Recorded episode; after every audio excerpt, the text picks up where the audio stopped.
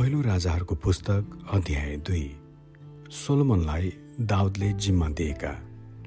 जब दाउदको मर्ने बेला नजिक आयो तब तिनले आफ्ना छोरा सोलोमनलाई यो आखिरी जिम्मा दिए संसारको रित चाहिँ म पनि मर्दैछु तिनले भने। यसैले तिमी चाहिँ साहसी हो र आफूलाई मर्द चाहिँ देखाऊ र परमप्रभु आफ्ना परमेश्वरसितको आफ्नो कर्तव्य पुरा गर। उहाँका मार्गमा हिँड। मोसाको व्यवस्थामा लेखेका उहाँका गतिविधिहरू र आज्ञाहरू र उहाँका नियमहरू र आदेशहरू पालन गर ताकि तिमीले जे जे गर्छौ र तिमी जहीँ कहीँ जान्छौ त्यसमा तिम्रो उन्नति होस्। र परमप्रभुले यसो भनेर मलाई गर्नुभएको प्रतिज्ञा पुरा होस्। यदि तेरा सन्तानले आफू कसरी रहनुपर्छ भने ध्यान गरे र यदि तिनीहरू आफ्ना पुरा हृदय र प्राणले मेरो दृष्टिमा विश्वासपूर्वक हिँडे भने इजरायलको सिंहासनमा विराजमान हुनलाई तँलाई उत्तराधिकारीको कहिले अभाव हुने छैन।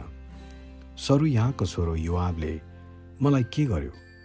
इजरायलका दुई सेनापतिहरू नेरका छोरा अबनेर र एतेरका छोरा अमासमासलाई त्यसले के गर्यो? यो कुरा तिमी आफैलाई थाहै छ। लडाइँको समयमा चाहिँ शान्ति झैँ कही अवस्थामा छँदा पनि त्यसले तिनीहरू दुवैलाई मार्यो। त्यही रगतले आफ्ना पटुका र खुट्टाका जुत्तालाई कलङ्कित पार्यो। तिम्रो बुद्धिले जे जस्तो बताउँछ त्यही अनुसार त्यससित व्यवहार गर।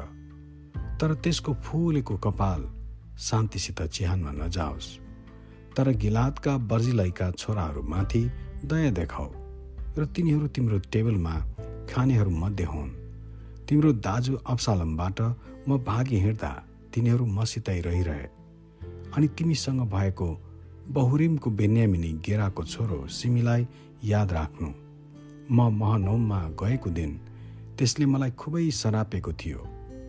जब त्यो एर्द नदीमा मलाई भेट्न आयो तब म तँलाई तरवारले मार्ने छैन भनी मैले परमप्रभुको नाउँमा शपथ खाएँ। तर अब त्यसलाई तिमीले निर्दोष नसम्झ। तिमी बुद्धिमान मानिस छौ र त्यसलाई कस्तो व्यवहार गर्नुपर्छ सो तिमीले जान्नेछौ त्यसको फुलेको कपाल चिहासनमा रगतैसँग जाओस्। जब दाउद आफ्ना पित्रहरूसित सुत्न गए र दाउदको सहरमा गाडिए तिनले इजरायलमा चालिस वर्षसम्म राज्य गरे। सात वर्ष हिब्रोनमा र तेत्तिस वर्ष एरुसलेममा। अनि सोलोमन आफ्ना पिता दाउदको सिंहासनमा बसे र तिनको शासन सुदृढसित स्थापित भयो। सोलोमनको सिंहासन स्थापित भएको। अब हकितका छोरा अदोनिया सोलोमनकी आमा बत्सेवा कहाँ आए?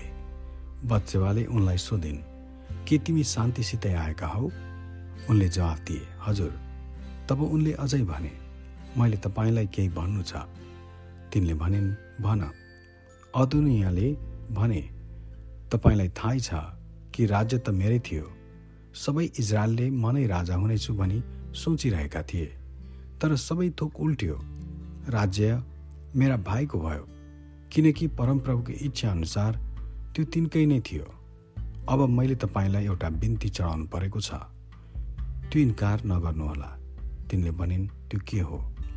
उनले भने मैले सुनमी अभिषेकलाई विवाह गर्न पाऊँ भनी सोलोमन राजालाई बिन्ती गरिदिनुहोस्। बच्चवाले जवाफ दिइन् हुन्छ तिम्रो निम्ति म राजासँग कुरा गरिदिनेछु।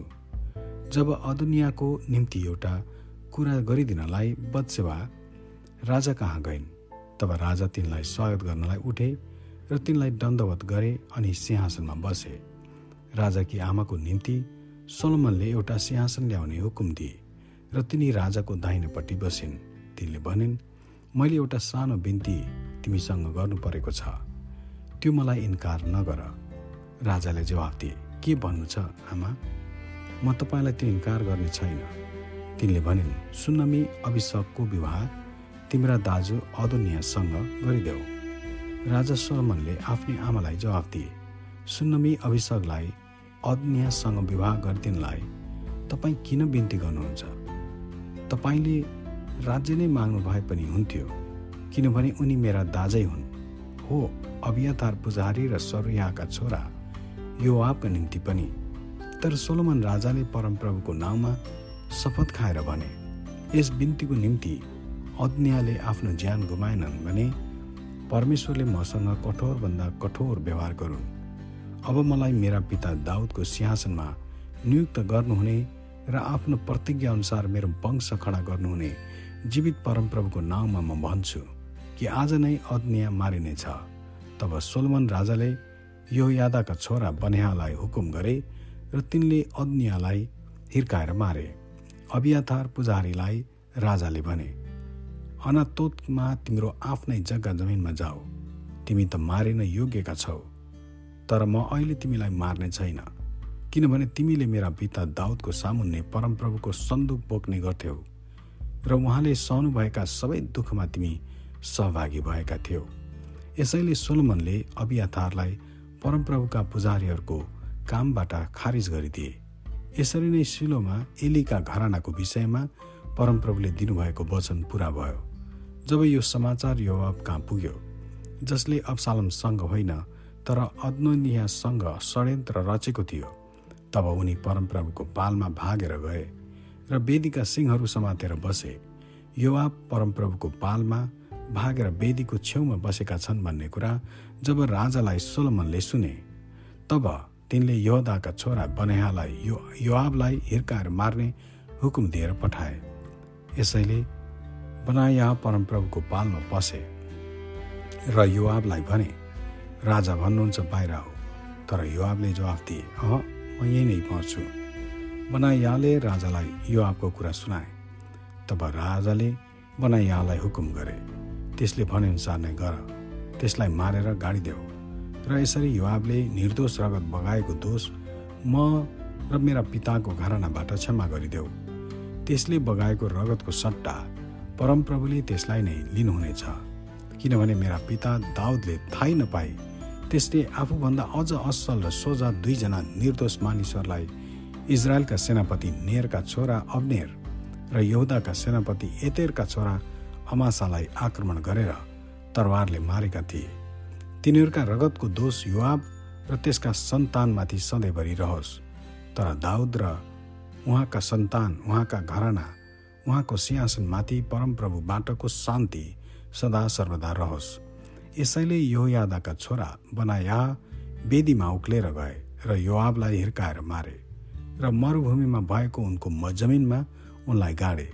राजाले यो यादाका छोरा बनायालाई युवाबको सट्टामा सेनापति नियुक्त गरे र अबिया थारको सट्टामा साधोकलाई पुजारी नियुक्त गरे।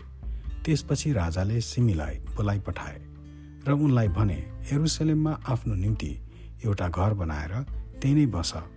सहर छोडेर अरू कुनै ठाउँमा तिमी नजानु। सहर छोडेर कि द्रोण खोल्सा पार गर्यौ भने तिमी मर्नेछौ। त्यसो गरे तिम्रो रगतको दोष तिमी माथि नै पर्नेछ। सिमीले राजालाई जवाफ दिए। हजुरले जे जे भन्नुहुन्छ त्यो असलै छ। मेरा प्रभु महाराजाले आफ्नो सेवकलाई भन्नुभए झैँ म गर्नेछु। अनि धेरै समयसम्म सिमी एरुसलेममा बसे। तर तीन वर्षपछि उनका दुईजना दासहरू गातका राजा माकाका छोरा आशिक कहाँ भागेर गए।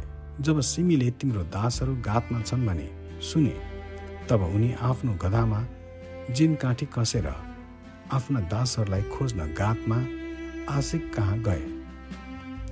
यसरी सिमी गएर गातबाट आफ्ना दासहरूलाई ल्याए।